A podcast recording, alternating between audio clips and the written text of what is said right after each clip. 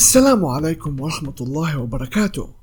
أهلا وسهلا ومرحبا بكم في حلقة جديدة من بودكاست مهنديات. أخيرا وبعد انقطاع دام أكثر من أربعة أشهر عدت من جديد.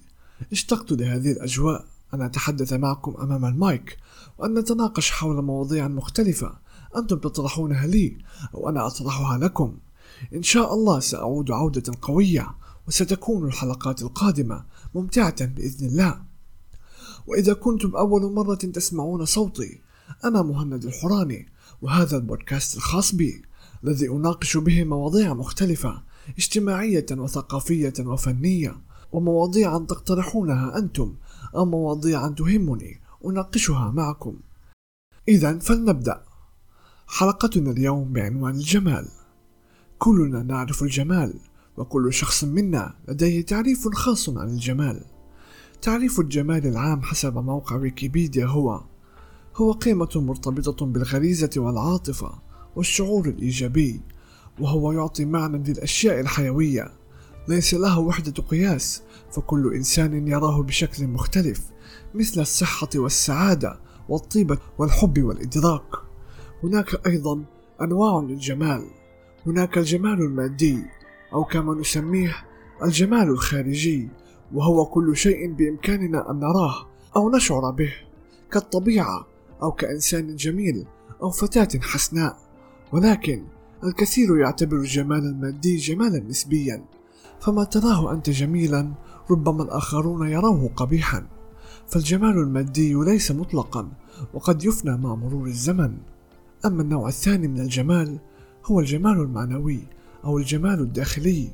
لديه معنى أعمق وأشمل من الجمال المادي وتعدده أكبر فهو يحمل في معانيه معان سامية مثل الأخلاق والقيم والصدق والكثير من الأشياء وديمومته أكبر من الجمال المادي البحت.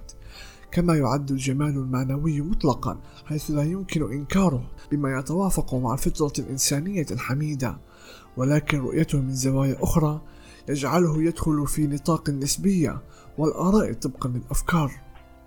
الجمال موجود منذ أن خلق الله الكون في كل شيء نراه ولكن حسب الشخص وتفكيره فهناك أناس عندما يرون وردة حمراء زاهية فيتعجبون من جمالها أو إذا رأى غروب شمس جميل حيث تتخذ السماء لونا برتقاليا ممزوجا مع اللون القرمزي فتتشكل لوحة فنية جميلة جدا. أو أن يروا شخصا جميلا حسن المظهر فيمدحونه على جماله وأناقته. كل هذه الأمثلة تعبر عن الجمال الخارجي والذي يراه الناس أنه من أسهل أنواع الجمال لأنه ظاهر للكل ويمكن للجميع أن يراه. ولكنهم ينسون أن هذا الجمال مجرد جمال مؤقت وأنه في يوم ما سيزول فالله خلق الكون بعظمته وجماله ويمكنه أيضا تدميره. فالله إذا أراد أمرا يقول كن فيكون. بالنسبة لي الجمال جمال الروح. فما فائدة جمال المظهر إذا لم يكن الجوهر جميلا؟ فهناك أناس قبيحون أو أنهم ليسوا بمعايير الجمال التي فرضها المجتمع عليهم. مثل لون البشرة الأبيض والطول والوجه المدور. واللحية للرجال.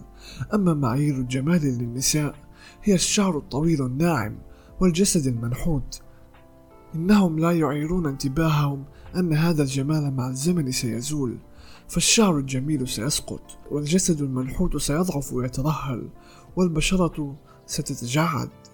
ولكن الجمال الذي يبقى خالدا مهما كبر الإنسان هو جمال قلبه فالقلب أهم جزء في الإنسان. إذا صلح يصلح الإنسان. لذلك الله يخاطب دائما القلب قبل العقل لأنه يعلم أن القلب هو جوهر الإنسان ومنبع المشاعر. الجمال على مر العصور خاصة في عالمنا العربي قد تغير سواء كان جمالا ماديا أو معنويا. فمثلا لنتحدث عن معايير الجمال زمن رسولنا الكريم. كان زمن الرسول الجمال المعنوي هو أهم شيء عندهم لأن في زمنهم كان الإيمان والأخلاق محفورا في قلوبهم ليس كزمننا هذا للأسف. فالأخلاق أهم شيء بالنسبة لهم لأنه إذا فسدت الأخلاق فسد الإنسان داخليا وخارجيا. أما بالنسبة لمعايير الجمال الخارجية والصفات الجمال الخارجية للرجل والمرأة فالرجل يجب أن يكون طويلا عريض الأكتاف والصدر. ولديه صوت رخيم ولون بشرته يجب أن تكون قمحية أو سمراء. أما معايير الجمال الخارجية بالنسبة للمرأة فهي الوجه المعتدل لا المدور أو الطويل. الحسنة أو الشامة على الخد الفم الصغير والشفاه الكرزية الشعر الطويل ذا لون داكن وناعم والجسد ذا الخصر الصغير. هذه كلها تعابير جمال خارجية. البعض منها لا يزال موجودا في زمننا حتى الآن. خاصة للفتاة فيجب على الفتاة أن تكون مثالية. فللأسف الأناس ينظرون للفتاة لجسدها ولا يهتمون لجوهرها. فكما يقولون في مجتمعنا الرجل ليس عليه عيب. هذا المصطلح أكبر خطأ في مجتمعنا. فبسببه أصبح هناك تماد وجرائم عدة. لأن المجتمع يحمي الرجل وأنه دائما المرأة مخطئة وأن هناك سببا لفعل هذه الجريمة. وأتمنى من الجهات المختصة والقانونية التعامل مع هذه الجرائم بجدية والآن ما نصيحتي لكم أيها المستمعون الأعزاء؟ إذا كنتم مقبلين على الزواج أو أنكم في علاقة عاطفية أنصحكم في أن تهتموا بجمالكم الداخلي أن تغوصوا وتعرفون وتتعمقون في جوهر الآخر وقلبه. وتذكر جيدا أن الجمال الخارجي صحيح له أهمية ولكن الجوهر أهم فأنت ستعيش مع شريكك بسبب الحب والقلب وأن هذا الجمال مع الأيام سيزول ولكن الجوهر والحب سيبقى للأبد لأنه حب خالص صادق وستعيشون مع بعضكم أجمل أيام حياتكم وأتمنى لكم جميعا حياة هادئة جميلة مليئة بالحب والراحة.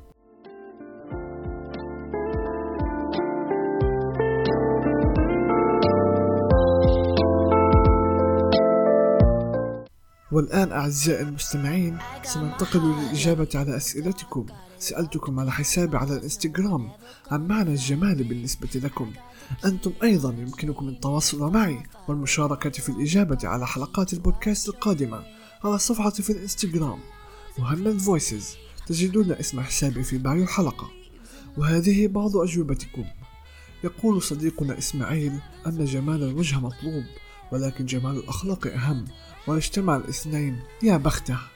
صحيح ولكن أصبح من النادر أن تجد اثنان بهذا الصفتين وكلنا لدينا عيوب ولكن أهم شيء أن لا تعيب الأخلاق فهي الجوهر الأساسي. ويقول صديقنا أمير أن الجمال هو كل شيء صنع في قلوبنا بهجة لم نشعر بها.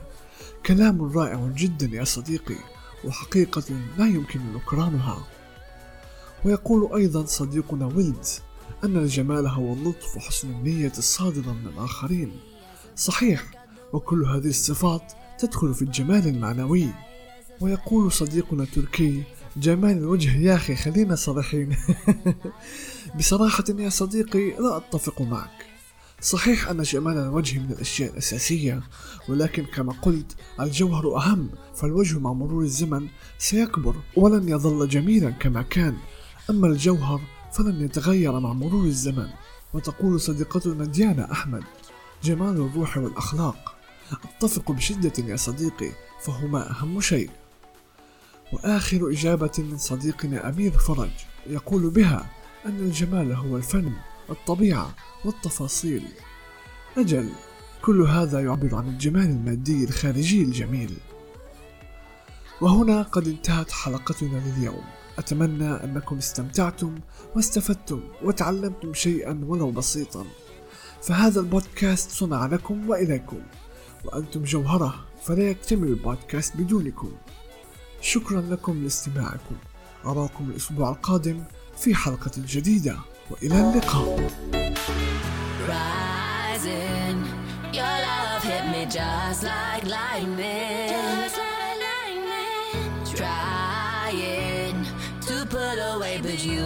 hypnotizing.